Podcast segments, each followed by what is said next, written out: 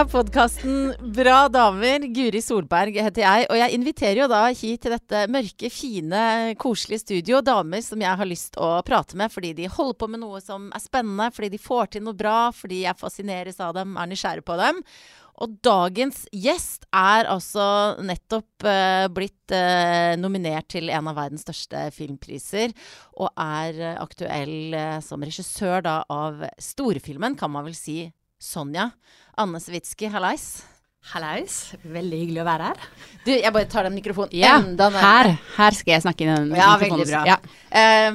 du, de fleste liksom assosierer deg nå, akkurat i dette øyeblikket, med den store Sonja Hennie-filmen. Um, hvordan uh, var ditt forhold til Son Sonja, som jeg nå har begynt å kalle henne, um, før du kasta deg over det prosjektet? Eh, nei, før jeg kasta meg over det prosjektet, så hadde jeg vel kanskje ikke så veldig mye forhold til henne i det hele tatt. Eh, men dette er et prosjekt som jeg holdt på med i nærmere ti år. Oh. Eh, jeg kom vel på prosjektet for åtte år siden. Det var noen som begynte med et manus eller en idé, og det var egentlig en TV-serie først. Og så eh, var det vel det var som førsteutkast av et manus, så kom jeg inn, og så har det manuset beveget seg i veldig mange retninger. Og det har jo vært en lang, lang prosess både med å eh, utvikle hvilken type historie vi skulle fortelle, og så selvfølgelig da å finansiere en så stor film. Eh, og finne de som skulle være med og ja. Så det har vært opp- og nedturer i mange år. Og på nært uh, Nærmest har blitt lagt ned i flere omganger. Men hvordan trives du da med å være sitte ved roret? For det er jo det man gjør som eh, regissør. Eh, via en sånn runddans som det da tydeligvis har vært før den endelige filmen ble ferdig. Hvordan har du det da? Eh, nei, altså årene opp mot at det blir, eh, de er jo Da er man jo mer sånn av og på. Eh, så da holder jo jeg på med andre prosjekter og har laget et par andre filmer i mellomtiden. Og, og kommer sånn kontinuerlig tilbake til det og er med og selger litt og sånne ting. Mm. Eh, men i det man sier 'nå gjør vi det', da, da kommer det jo et annet gir inn. Eh, da skal alle castes, alle skal ansettes, og man skal finne de siste pengene, og man skal se oh shit, hva er, hva er det vi har satt i gang, hva er det vi har råd til, hva er det vi kan lage, og hva er da den visjonen som vi skal lage? Hva er faktisk denne historien som vi har snakket om i alle disse årene som vi skal fortelle? Så det er, det er da liksom alle nervene kommer inn, og, og adrenalin eh, går veldig høyt opp. Ja, for jeg tenker liksom, Dette er jo på ingen måte den første filmen du, uh, du lager. Du har uh, mange husker sikkert uh, 'Sykt lykkelig', var den het, sant? Med mhm. Agnes mm. Kittelsen. Og den, hva het den om søskenkjærlighet med Ine Marie? De, de, de nærmeste. De nærmeste. Ja. og flere episoder av TV-serier og Anne pluss Jørgen. Altså, du har regissert mange filmer og gjort det superbra. Men jeg tenker grunnen til at jeg spør om det, hvordan det føles, er at jeg tenker at jeg ville blitt litt sånn overveldet Altså, hvor begynner man, liksom? Det føles så svært, det å skulle fortelle en historie på film. Um, ja, og det er vel litt forskjellig fra film til film. Uh, um, og noen ganger så har jeg vært med på å skrive det. Denne her har jeg ikke vært med på å skrive, men jeg har vært med på å utvikle det. Uh, men eh, denne filmen var kanskje litt annerledes enn de andre filmene, fordi det var et så stort prosjekt, og det var så mange aktører som skulle inn. Altså vi skulle både filme Vi lette lenge etter hvor vi skulle filme. Vi filmet både i Spania, og så filmet vi i Romania, så skulle vi filme litt i Norge. Det var en, liksom, en sammensetning av så utrolig masse mennesker. Eh, og det gjør det jo komplisert og, og litt sånn uoversiktlig. Eh, Eh, og samtidig skal du skape et helt sånn univers av en tid eh, som skal se så glamorøs ut som eh, med, med, noen norske budsjetter og, og, litt sånne ting. Sånn at det, det er så mange eh, eh, faktorer som går inn og gjør det komplisert. Så det var, det, det var litt overveldende. Det, det, kan man vel trygt eh, si. Men hva gjør du da for å liksom beholde roen midt i en sånn overveldende situasjon? Eh, nei, jeg, om jeg beholdt troen, det vet jeg ikke. eh, eh, altså, for det første så er jeg jo avhengig av et, et bra produksjonsapparat som, som, legger en plan og en fornuftig plan. Og så, eh, og så må jeg på en måte passe på å ikke bli for detaljstyrende, eh, hvilket jeg eh, likevel blir. Eh, Eh, og så er det det å liksom lage tid og plass til å kunne få gjøre en kreativ visjon oppi alt det som er eh, logistikk, fordi du kan si eh, Film er jo veldig mye logistikk. Mm. Og veldig mye Altså du kan, kan, ha alle mine visuelle og mine kreative møter og alle mine eh, leseprøver og, og, sånn, men så handler det om ok, hvordan praktisk får vi dette her til? Hvordan lager vi is? Hvordan lager vi svart is? Ja. Altså hvordan kan vi få noen tester på de svarte isene? Nei, jeg syns ikke den testen var fin nok, det var ikke nok skinn i det. Nei, men da kanskje vi kan putte litt mer olje, så må man ha noen folk nede i Europa som lager det, og så har man Altså det er Og så er det drakter og tidsriktighet og eh, koreografi og en koreograf som bodde i USA og, en, og en skjøyte, et skøyteteam i Sverige, men med dansere fra hele verden til eh, kostymeprøver i Madrid. Altså det, det på en måte eh, hvordan legge opp dette sånn at når vi kommer og står på første oppdragsdag, så er det ting på plass. Eh, det er det som er vel for min del det mest nervepirrende, og var veldig nervepirrende for denne produksjonen, siden det var så mange løse tråder og så mye eh, Ja. jeg blir jo helt overveldet. Men så tenker jeg liksom Én ting er jo alt det der svære, men så mm. kommer det til, eh, til opptaksdagene, så handler det jo om veldig sånn nære ting. Og jeg har akkurat sett uh, Sonja, som jeg syns var en utrolig tøff og liksom annerledes film enn jeg trodde. Den var liksom mye sånn tøffere i trynet, ikke sant. Man ser for seg ikke sant, den der historiske gjennomgangen, og slik var hennes liv. Men her, det er jo litt sånn Vet ikke om du er enig i det, men det handler jo vel så mye om liksom de mørke sidene ved underholdningsbransjen, og ved mennesket, og narsissisme, og pengegriskhet, og familieforhold. Mm. Altså, det er jo veldig sånn tett på Og det har også de andre filmene dine vært tett på liksom nære ting. Og da må jo du Altså, da handler det jo om skuespilleren og deg, da. Hvordan jobber du da?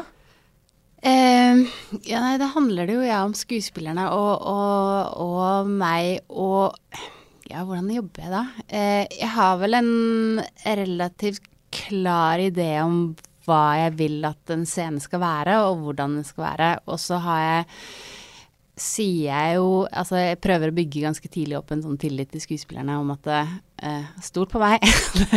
det, det, det, ordner seg. Jeg, jeg, kommer til å si fra hva jeg vil ha. Eh, og så er det ikke alltid de skjønner hva jeg vil ha. Og, men da, da, har jeg liksom klart å få den tilliten til at ja, men da, da, skyver jeg det rundt, og så skal du si det sånn, og så skal vi gjøre vi, Altså blande veldig mye eh, ganske strengt forarbeid med eh, mye åpne alternativer når vi filmer. Jeg er opptatt av å samle materiale, og så er jeg opptatt av at eh, når jeg lager filmen, når vi spiller inn de scenene vi gjør med skuespillerne, så, så er eh, Så opplever jeg at ting blir for det første aldri helt sånn som man har tenkt, og det har jeg ikke lyst til heller. For jeg vil at det skal skje noe i det vi spiller det inn, og jeg vil at det skal fortsette å skje noe når jeg klipper det senere. Og derfor vil jeg ha nok eh, alternativer når jeg skal inn i den prosessen. Eh, fordi jeg opplever at menneskelige relasjoner og måten vi reagerer på, er ikke nødvendigvis noe vi kan skrive rett ned på papir, og så var det det man følte når man så det etterpå. Mm. Det er mange ganger ting i mellomscenene, eller man reagerer motsatt av det man hadde tenkt, eller man Så jeg liker å ha det eh, den åpenheten, da. Eh, som sikkert kan være litt forvirrende, men, eh, men, eh, det For meg så har jeg vel sikkert erfaring at jeg er liksom mer, mer, og mer trygg på at det fungerer, i hvert fall for måten jeg jobber på, da. Mm. Mm. Så når du skal si Jeg har ikke spilt som skuespill, men hvis du da skal inn i en scene som skal være i si, intens krangling, da, det er stort sett liksom mye sterke følelser som, man, liksom, som jeg lurer på liksom, hvordan, Hva sier du da? Før, før, før du sier 'vær så god'? Uh, ja, vær så god. Uh, nei, hva sier jeg da? da har vi, vi, har nok først snakket gjennom scenen. Uh, det har vi gjort i forkant. Og så tror jeg jeg gjør det helt sånn teknisk, at jeg legger opp et, lager arrangement. Så sier jeg sånn her går du, og der går du, og bla, bla, bla, og så videre, og så videre. Og så sender jeg skuespillerne vekk. Og så får de sminke seg og gjøre ting, og så lyssetter vi scenen, og så snakker jeg litt med fotografen sånn Ja, nei, kanskje vi heller skal sette de der, kanskje. Og så får jeg komme tilbake igjen. Og så og så eh, er jo Så lar jeg det kanskje gjerne være ganske fritt i starten. Eh, for så å gå inn og pirke og terpe på vendepunkter og på alternativer, eller på hvis det er noe jeg ikke syns fungerer i det hele tatt, hvis vi står, i, hvis vi står fast.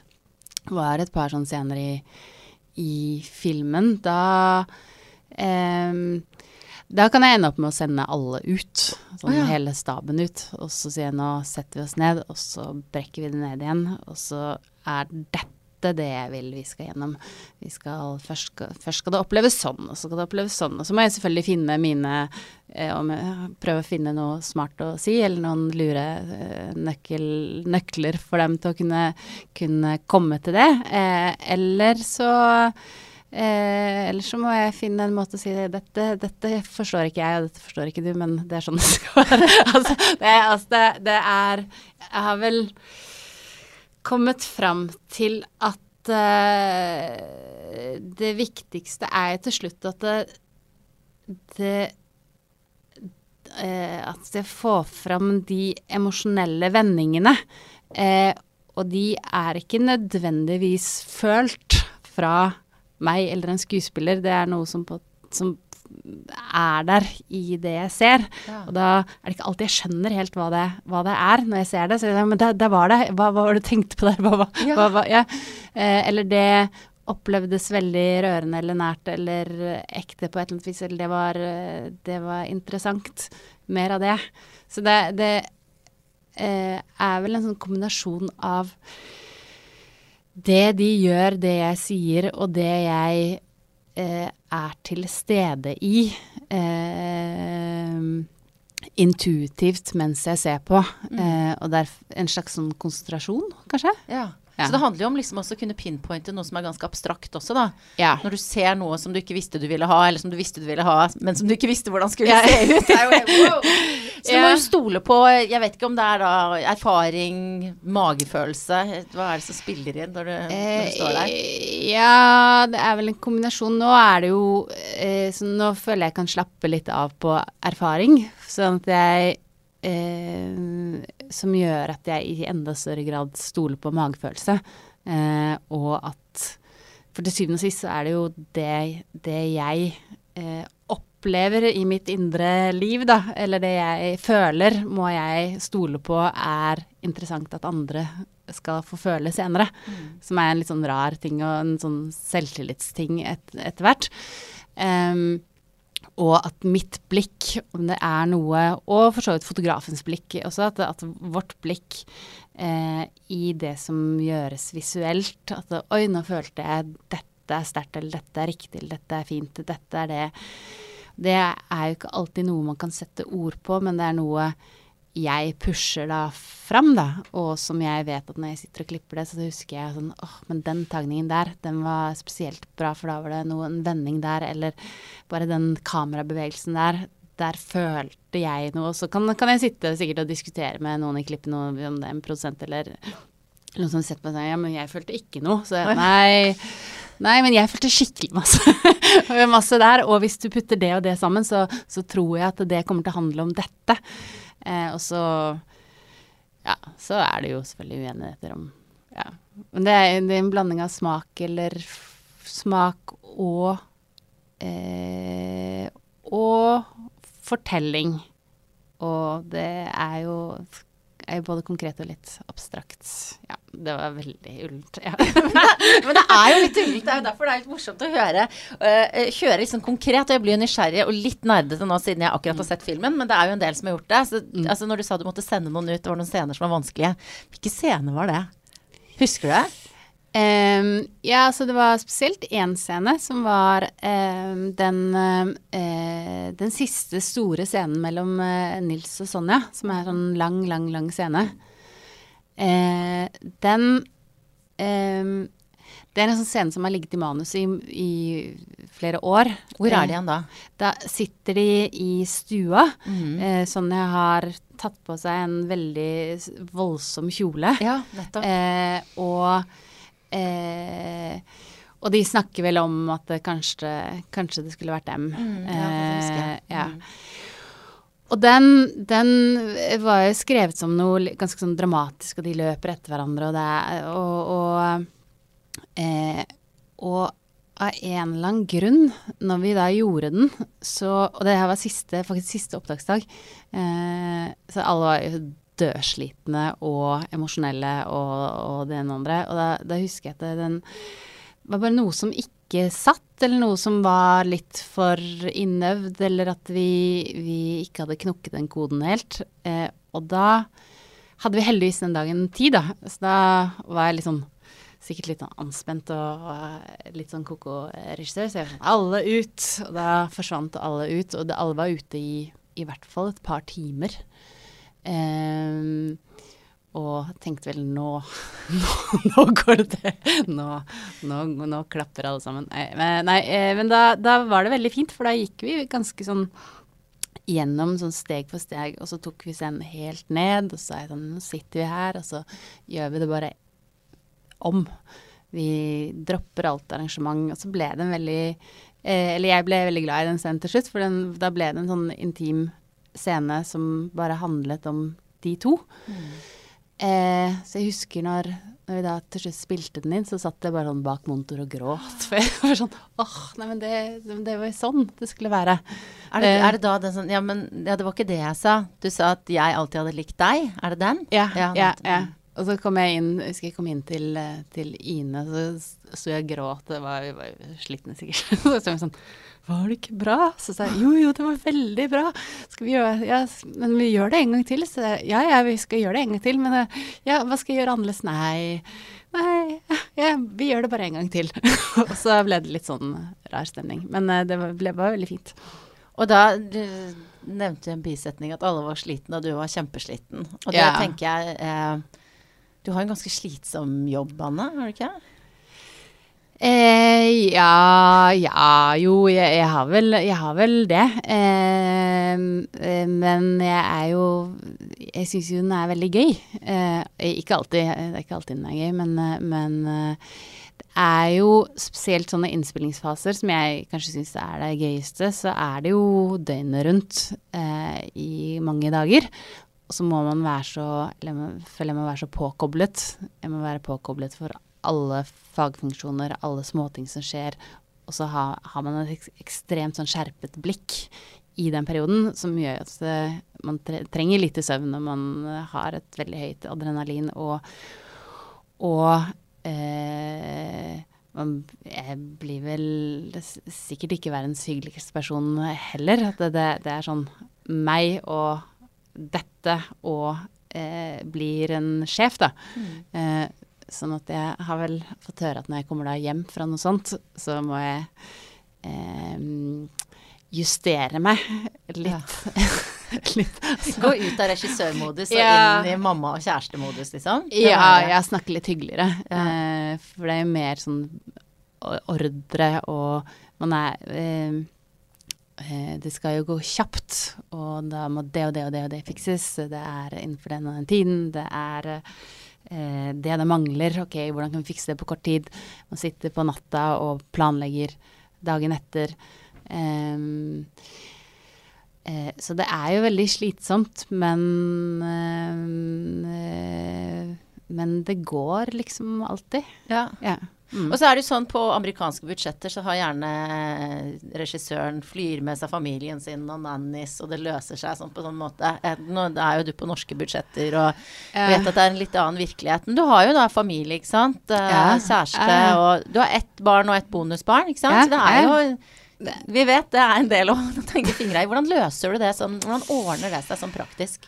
Nei, det er jo alltid litt vanskelig. Eh, eh, på Sonja så, jeg, så, kom datteren min ned eh, i noen dager. Eh, nå så var jeg, eh, har jeg vært nede i Sør-Afrika og spilt inn en episode av noe som heter Black Mirror. Oh, ja. Som er en sånn Netflix-serie. Ja, og da, eh, da kom hun ned med mamma i, ja. i Skulle egentlig være der eh, ja, tre uker, men dro hjem tidligere. Fordi det er jo Det er litt fælt å si det, men, men, eh, men eh, det å være da, spesielt i en innspilling, så, så eh, det å dele fokuset for mye, det er, rett og slett vanskelig. Det er jo, eh, så det er litt vanskelig å være en, en nær og god mamma i en sånn da, Det er nesten sånn at det, ok, da er mamma på jobb, og så kommer jeg heller tilbake igjen. Ja. Og så er jeg heller fulltidsmamma da.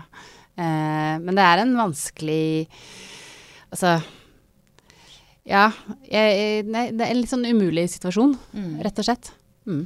Og det, det jeg ofte blir spurt om, men som jeg insisterer alltid på at jeg svarer nei på, er sånn Har du ikke mye dårlig samvittighet? Så er jeg sånn Nei, det har jeg ikke. For jeg, jeg er ikke noen stjerneregissør, men jeg er en del borti, jeg også. Ja. Eh, får du det spørsmålet ofte? Jeg får det kjempemasse. Og eh, jeg har jeg, jeg må innrømme at jeg får litt Altså de de gangene jeg er borte lenge, for jeg har jo noen sånne lange perioder, så har jeg jo dårlig samvittighet. Men akkurat der og da, mens jeg er der, så har jeg jo da ikke det. Fordi Nei. da er jo alt min All min fokus er på det jeg holder på med.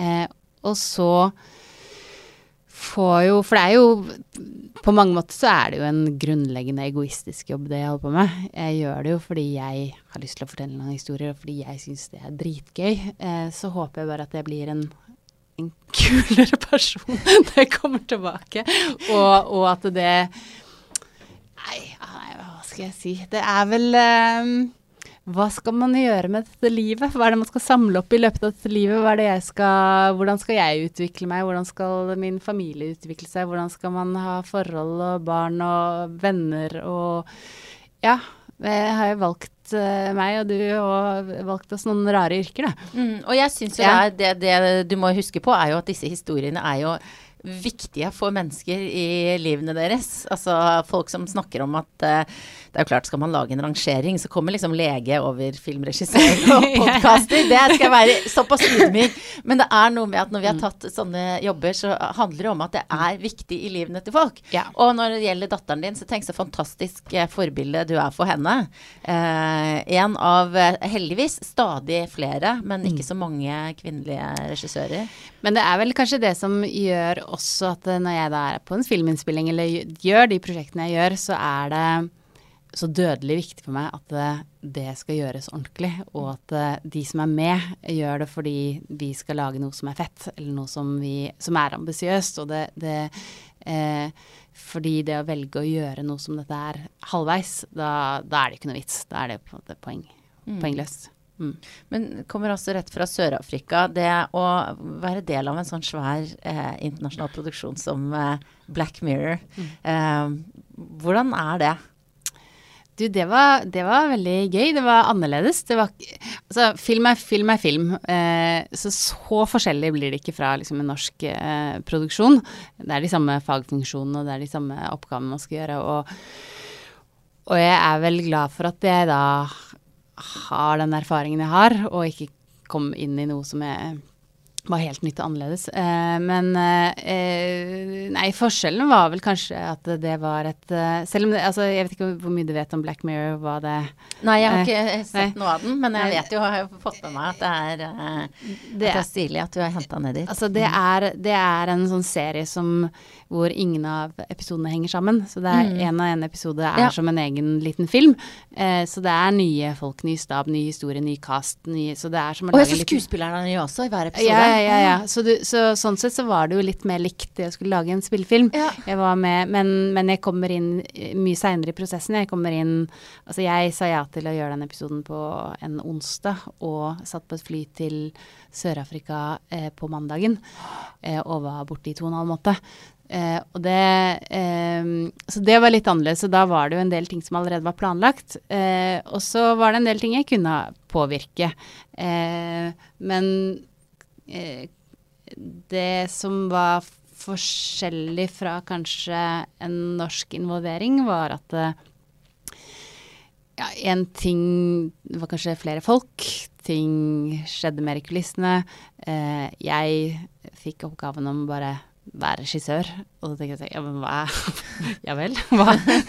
Eh, det betyr jo for meg For meg så betyr jo det å blande meg inn i ganske mange ting. Eh, og så måtte jeg bare tenke nei, men det skal jeg ikke blande meg inn i. Det er det noen andre som er skapt, som, eh, som står for det. Og dette er liksom det jeg skal leke med og gjøre, ha det gøy med og, og få til å fungere. Eh, og da jeg fant ut av det, så var det Nei, var det da var det jo som en et, veldig intens jobb. Det var jo liksom eh, lange, lange, lange lange dager og, og eh, mye jobb. Men, eh, men Og en helt crazy, merkelig historie og mye rart. Men, men Men er det mer sånn stjernenykker uh, der? Altså med, eller, og star treatment, da? Eh, Ja Nå ser det ut som du tar på deg sånn Oi, hva kan jeg si? Hva Hva er kontraktsbrudd? yeah, Ja, ja, Har jeg fått paychecken min ennå? Har ja, har jeg fått Nei, ja, det har jeg ikke fått den ferdig, nei. Um, ja, eh, det, det er det jo. Men Mm. jeg vil jo si at de som var med, som var stjerner, var ikke så nykkete. Ehm, eller ja, jo. Eller nei, nei de var ikke så nykkete. de- Og de var veldig hyggelige og veldig eh, samarbeidsvillige. Men det, det er jo klart at noen av de stjernene eh, Det var annet med en stor popstjerne. Eh, og Hvem da? Eh, nei, det, det, har jeg ikke lov til å si. Ja. Eh, Lady Gaga? Blunk, hvis det er riktig. Okay. Man, kan, man kan google seg til Ja, man det. kan- Ja. Um, og det er klart at det, den personen kommer jo med et svært team uh, Ja. rundt seg. Ja, sånne ting må man forholde seg til. Men du, ikke sant. eh, Stor serie i Sør-Afrika og kinofilm som mange har sett. Og dette har du holdt på med i mange år, og du har gått på filmskole. Og du, nå har du på en måte tatt dette valget, og det går relativt bra for deg. Men for 100 år siden, holdt jeg på å si, eh, i gamle dager, så hadde du egentlig tenkt å bli prest. Ja, ja. Det, Det, det er liksom, det, jeg, altså jeg kjenner Anne litt grann fra før. Vi har jo sånn felles eh, venner og sånn, og, så jeg kjenner jo deg litt. Men jeg visste ikke det. Nei, altså jeg vokste jo opp i noe som heter Frikirken.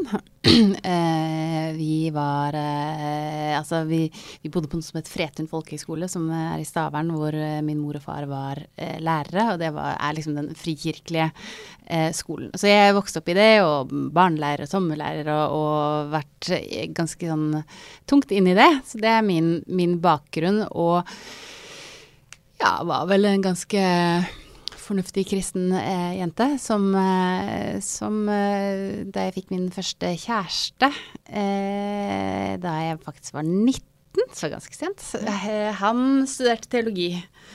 Eh, og eh, jeg skulle dra til USA og studere der, og skulle egentlig studere musikk, men fant ut at nei, det er Jeg hadde allerede da liksom vært sånn ungdomsleder og stått på noen scener og snakket for 2000 ungdommer om, om tro og tvil og kaste en bibel i været. Og jeg var veldig tenkte sånn, ja, men dette er, dette jeg skal. Eh, det var jo mye sånn kjærlighet og fint miljø også å være i, for det er jo, det er jo et eh, på en måte dramatisk miljø, fordi man snakker om liksom liv og kjærlighet og død og, og ting i en liksom, kanskje en litt yngre alder enn enn det kanskje noen andre som heller ja, var vanlige ungdommer. Eller altså vanlige ungdommer, vi, var jo vanlige ungdommer. Men uh, da, så da tenkte jeg ja, det, det er en prest jeg skal bli. Og så uh, også.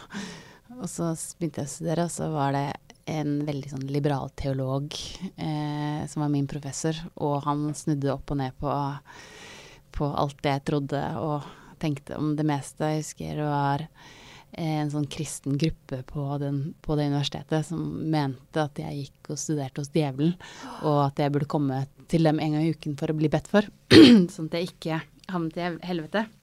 Eh, og det gjorde jeg vel et par ganger, men så tenkte jeg "Nei, fader heller, det, det, det var så interessant. Og så når man er sånn 20 og får vite masse ting jeg, altså Jeg tror det er en av de mest sånn, spennende tingene jeg har, har studert. Eh, sikkert fordi det var liksom litt, litt livsviktig, og så var det sånn nyere sånn Jesusforskning. Oh, ja, yes, ja. Så, så, så, eh, eh, men det endte jo opp med at jeg da heller sluttet å tro, da. Og Altså helt? ja, det var vel en gradvis prosess, var det vel. Eh, en slags sortering av hva som var hva. Eh, eh, sluttet litt mer å tro på at eh, jeg hadde sett en engel her og der, og litt sånne ting. Eh, men eh, Jeg ser helt sånn fjern, ut. Nei, dette er, kjempe, det er Men, veldig eh, interessant. Eh, men eh, ja, jeg fant vel ut at det var ikke det jeg skulle. Men hva, hva slags forhold har du til religion som du da har vokst opp med så tett? Hva, hva slags forhold har du til det nå? Eh, nei, nå føles det litt mer sånn ukomplisert.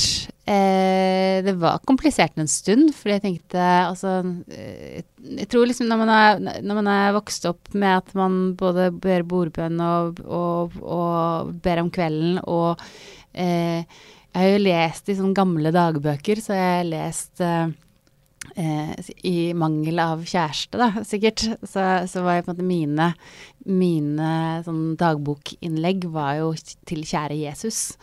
Du omtrent min, min, elsker, og du, du, du, elsker meg, og jeg elsker deg. Altså sånn uh, veldig dramatiske sånn ungdomskjærlighetsbrev til, til Gud, da. Eh, eh, som, som, er jo en Som er veldig rart å, å lese nå. Som sikkert var Ja, handlet jo om vanlige andre ungdomsting. Eh, eh, så jeg, jeg, vet ikke, når jeg ser tilbake til, på det nå, så er det jo en blanding av at jeg tenker den En sånn oppvekst er jo på mange måter veldig fin, for du har jo et veldig sånn nettverk og miljø og mange, mange fine minner og mange fine eh, samlinger og masse folk og, og, og, sånn rundt. Og så er det, eh, men så er det også ting, ting ved det som jeg tenker Eh, kanskje for tidlig kom man inn på ting med skam og tro og tvil og, og meningen med ting som kanskje var litt voldsomt litt for tidlig, og, og, ting som jeg syntes var skummelt. og eh, Selv om det var ikke mye prat om, om djevel og helvete, det var, var det jo ikke. Men, men likevel så, så, hadde jeg jo en veldig tidlig oppfattelse av rett og galt og eh, flinkt og ikke flinkt, og det var kanskje med på å pushe det eh, i litt for stor grad. Um, og, og, hva er jeg hvis jeg ikke er med i det miljøet? Som, som er en helt sånn vanlig ting som alle ungdommer tenker sikkert i andre miljøer. Hva er jeg hvis jeg ikke er med de, eller har den vennegjengen, eller men, men, for meg så var eh, det å liksom ha Gud i meg, eller Det, det var på en måte en slags eh, Noe som knyttet meg til noe, da. Mm. Ja. Det er sånn, Nå skal jeg passe meg for uh, psykologdatteren som jeg er, og begynne sånn Tror du, Anne, at dette men, men, når du sier sånn at du tidlig var altså ikke sant, uh, De store mm. spørsmålene i livet og mye om skam og ikke sant, og så begynner jeg altså å tenke på filmene dine, uh, så har du jo ikke vært redd for å gå inn i de temaene, da? Er det, er det tilfeldig, tror du? Eh, nei, nei. Spurte hun retorisk? eh, nei, men jeg tror nok en sånn bakgrunn har vært med på å prege, prege det jeg er interessert i. Eh, fordi, fordi de han... Altså, det er jo Eller håper jeg da at jeg har prøvd å portrettere noen komplekse, gjerne kvinnekarakterer og deres tvil rundt seg selv eller tilhørighet til seg selv eller og andre. Eh, og eh, ja, har vært mye opptatt av tilhørighet, da. Mm. Eh, som jeg tror kanskje alle Ja, har vel alle Ja, jo, i, i mer Ja.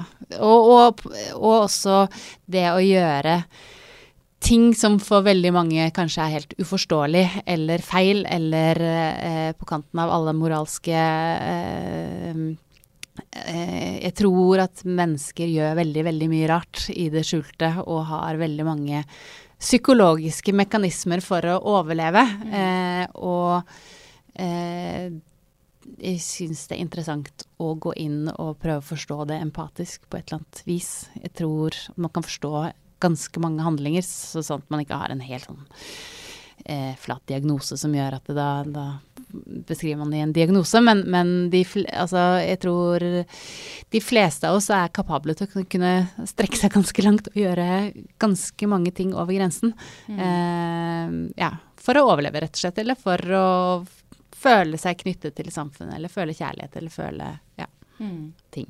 Og så kommer spørsmålene som jeg, hvor jeg liksom må ha tunga litt rett i munnen uh, for ikke virke helt idiot. For, men hvor mye er ditt blikk for dette og ditt, måten du undersøker disse temaene, mm. hvor mye har det å gjøre med at du er kvinne, tror du?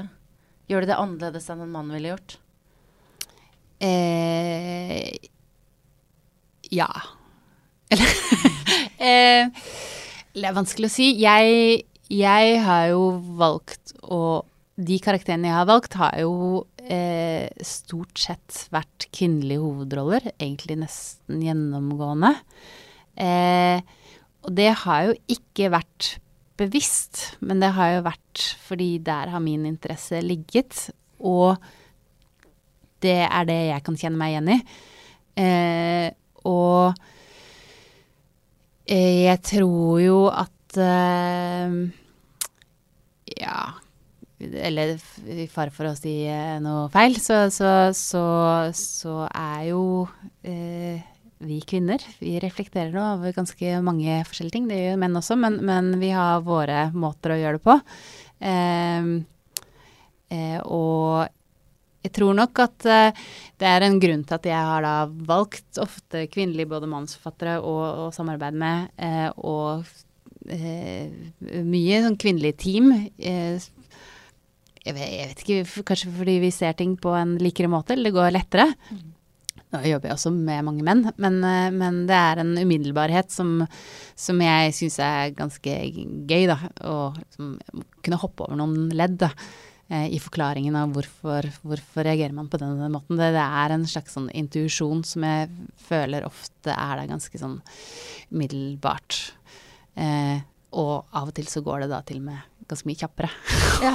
ja det, eh, det, er en Jeg kan ikke si at det, det, er ikke gjennomgående sånn, fordi det er også en del menn som jeg også har den eh, kjappe praten med, men, men eh, på noen temaer, så er det så mye mer innforstått og så mye lettere å ja, grave i noen komplekse problemstillinger. Um, ja, på noen temaer. I går så ble Oscar-nominasjonene klare. Da var det eh, ingen kvinnelige regissører som var nominert verken i eh, beste regissør eller i beste film. Mm. Eh, og her i Norge så har jo nettopp eh, har vi hatt Humorprisen, mm. hvor ikke var noen, det var riktignok noen som var nominert, men mm. ingen som vant. Mm. Eh, og så, altså, det har vært mange diskusjoner i løpet av det siste mm. og de siste årene som eh, har eh, handla om kjønnsbalansen i mm. ja, Kanskje særlig i underholdningsbransjen. da. Ja. Hva, hva, er dine tanker rundt det som kvinnelig regissør? Nei, altså når det gjelder kvinnelige regissører, så er det jo Altså det er, kommer jo bare flere og flere, og det er veldig stort fokus på det. Eh, eh, og som er jo på tide. Eh, fordi én, man trenger både kvinnelige og mannlige historier for at vi skal fortelle vår historie eh, og kunne se tilbake på hvordan man fortalte hva det er vi har levd i. Eh, I tillegg til at I tillegg til at jeg tror man har litt forskjellig blikk på ting, sånn at det er viktig. og så er jo det å lage film er jo et emosjonelt medium som handler om et kunstblikk, og det handler om å beskrive eh, komplekse følelser og levere det til noen som skal se det, og oppleve noe som de kjenner seg igjen i. Og det eh, tenker jeg at det, det, passer jo veldig godt for eh, Altså, jeg mener det å være kvinnelig regissør er jo egentlig helt perfekt. Hvorfor er det ikke flere kvinnelige regissører? Så jeg tenker um, um, jeg husker vi hadde, vi hadde disk, disse diskusjonene begynte sånn voldsomt når jeg gikk på filmskolen. Da var det jo eh, Vi ble jo Det var seks eh, studenter på regilinja. Det var tre menn og tre damer, eller jenter og gutter, var det mm. vel da. Eh, og da var det en sånn rasende debatt da eh, om at vi jentene, vi var kvotert inn. Oh. Eh, og det var vi jo ikke, Nei. men, men eh, skulle nesten ønske at vi var det. Eh, og husker at det kullet etter eh, så kom det inn fire jenter og to gutter, og da var de guttene som, på, eh, som jeg gikk sammen, var sånn Nei, nå må de faen meg begynne å ta inn de beste. Så det var ganske sånn hard hard diskusjon og sånn ganske sånn sterke meninger om at eh, menn er bedre enn kvinner eh, på å skulle lage film. Eh, og det har jo beveget seg ganske mye i løpet av de eh, årene. Jeg husker til og med også jeg gikk rundt og skulle da det, skulle gjøre noen reklameting og gikk rundt til de forskjellige selskapene. Da sa, fikk jeg jo høre helt konkret, vet du hva, vi syns du er flink, men du er kvinne, og vi får ikke solgt det. Så det var, det var så tydelig og uttalt. Yes. Eh, og nå kan man jo ikke uttale det på den måten lenger. Eh, og og jeg føler meg jo heldig som har vært da midt oppi hele den diskusjonen, for jeg har jo da eh, både blitt kvotert inn i, i flere ting og eh, liksom ja, eh, fått mye igjen for, for, for, at jeg har vært midt oppi den tiden. men man må jo bare pushe mer på. Ja, og så tenker jeg Anna, at du har jo midt oppi det i den forstand at du eh, er jo da et forbilde og kan inspirere sikkert mange eh, unge jenter som nå ser flere kvinnelige regissører og ser at det er en greie. Og det er mye det det handler om, at man må bare liksom venne seg til at selvfølgelig kan jeg gjøre det. Ab eh, nei, men absolutt. Altså det, altså det, er jo veldig hyggelig å kunne være et forbilde. Og, mm. Men så er det også det at eh, de politiske tingene som er blitt gjort, har eh, også fungert. Jeg, for jeg husker jeg var på en hva var det, sånn Dagsnytt 18-debatt om eh, Og da var det Hvem var det som var der? Eh, det var institutt, Filminstitutt-leder, eh, kvinne, og da kulturminister eh, Nå husker jeg ikke hvem Ja, samme det. Men eh, da ble jo jeg trukket fram som et bevis på at eh, man ikke trengte å kvotere. Og at man ikke trengte å ha disse ordningene for å se hva Anne har fått til. Ja. Og da kunne jeg slenge bordet i Nei, nei, nei. nei. Jeg, min første film, 'Sykt lykkelig', den eh, var del av en sånn kvinneordning. Første sånn hvor du fikk litt penger til å kunne utvikle manus og sånne ting. Og noe som het Signatur K. Og var vel kanskje den eneste film som gikk gjennom eh, på det prosjektet, men da fikk vi sånn umiddelbart plutselig støtte. Eh, og det var en film som da vinner i Sundance og gjør det eh, bra. Mm. Eh, men den hadde jo ikke blitt til hvis ikke jeg hadde fått de politiske pengene som sa at det skal, det skal Anne ha fordi hun er kvinne. Og så var det neste film som jeg også gjorde samme året, som var 'Gjøring pluss Anne'. Den mener jeg at kanskje en annen regissør eh, var også tiltenkt. Og så var det de produsentene som, som, ringte meg, og så hadde de også snakket med en av filmkonsulentene. Hva om Anne gjør den? Ja, åh, ja, selvfølgelig. Det er enda bedre, fordi hun er kvinne. Altså, det var, det var et sånn ekstremt fokus på, på eh, kvinne, da. Mm. og politiske tiltak. Ja. Eh, så kunne jeg si nei, det er på grunn av de tiltakene, ikke fordi jeg bare var flink eh, og greide meg. Fordi noen har sagt at nå skal vi satse på det. Men opplever du fortsatt at uh, folk uttalt eller mellom linjene tviler på at du kan jobben din pga. kjønnet ditt?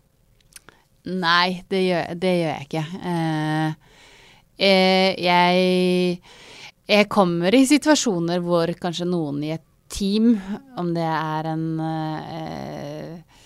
sjef for ditt og datt,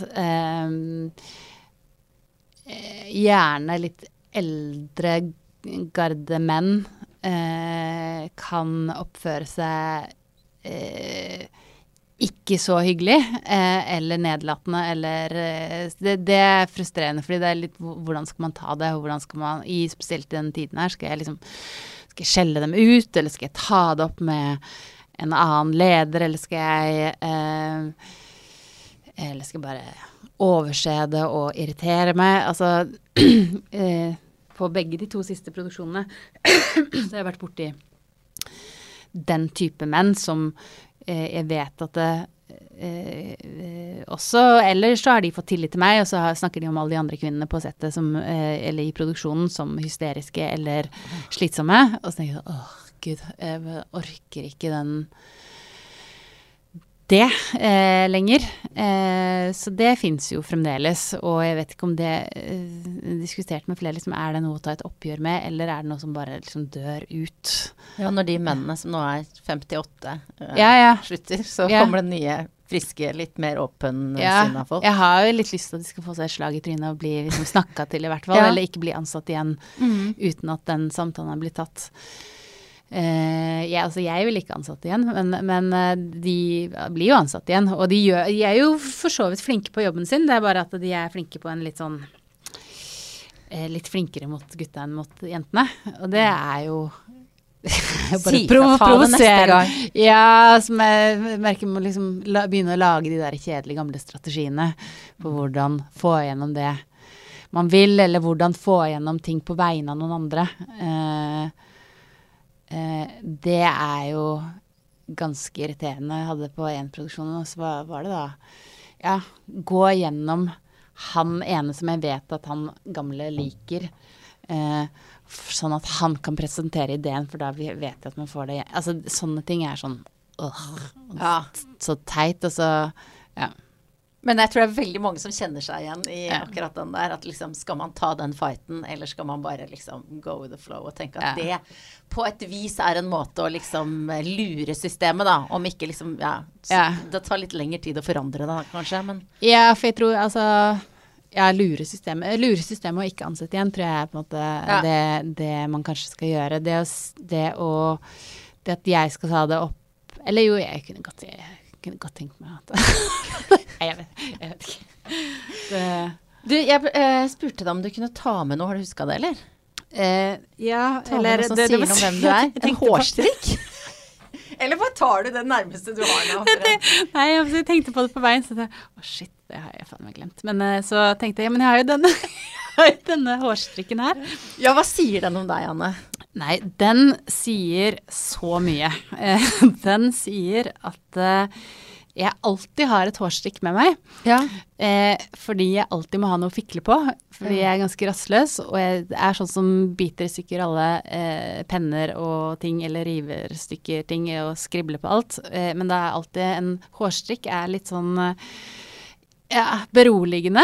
Eh, og så er den også sånn at jeg, nå har jeg håret ned, men jeg pleier alltid egentlig å ha håret opp i en sånn topp på Ja. hodet.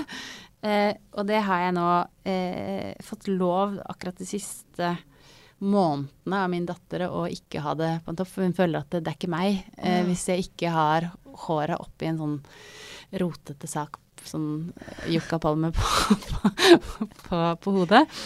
Så ja, på et eller annet vis. Og jeg føler meg veldig ufri hvis jeg ikke har med en strikk. Da får jeg litt sånn litt som ikke har med meg telefonen. Men nå har du jo sittet fint uten å fikle med den. Jeg har det. Så det kanskje, kanskje jeg begynner å få ro og balanse i livet og ikke trenger denne hårstrikken lenger. Så, så symbolsk. Men har du, men har du, er du, eh, er du Har du liksom mye sånn rastløs energi i deg? Ja, jeg har vel egentlig det. Jeg er ganske eh, rastløs. Jeg prøvde å si hjemme her om dagen at ja, men jeg er jo også ganske lat. eh, eh, og da fikk jeg beskjed ja, men det er du jo ikke, for du, må jo, du sitter jo og gjør noe selv om du sitter stille i sofaen. Men eh, jeg opplever, så måtte jeg liksom argumentere litt imot, jeg opplever at jeg er eh, periodevis veldig, veldig rastløs og har et ekstremt høyt tempo når jeg holder på. Og så tenker jeg da at jeg gjør det helt motsatte ellers, men uh, litt usikker. Ja. Men hva slags periode er du inne i nå, sånn uh, energimessig og jobbmessig? Er, er, har du nå, etter at du har vært her f.eks., hva skal du da? Eh, nå skal jeg hjem og lese to manus, og så må jeg gjøre noen presseting til Sundance-tingene. Eh, Ja, for da er det, er det Sonja som skal på Sundance. Sånn jeg skal på Sundance, Sundance. Eh, vi drar på lørdag. Så gøy. Eh, det tror jeg blir gøy. Det er sånn rart, rart sted. Eh, sånn drar til Utah, Salt Liten sånn skiby, og så går du rundt, og så er det masse stjerner, og så skal du vise filmen din flere ganger og snakke om den og Ja.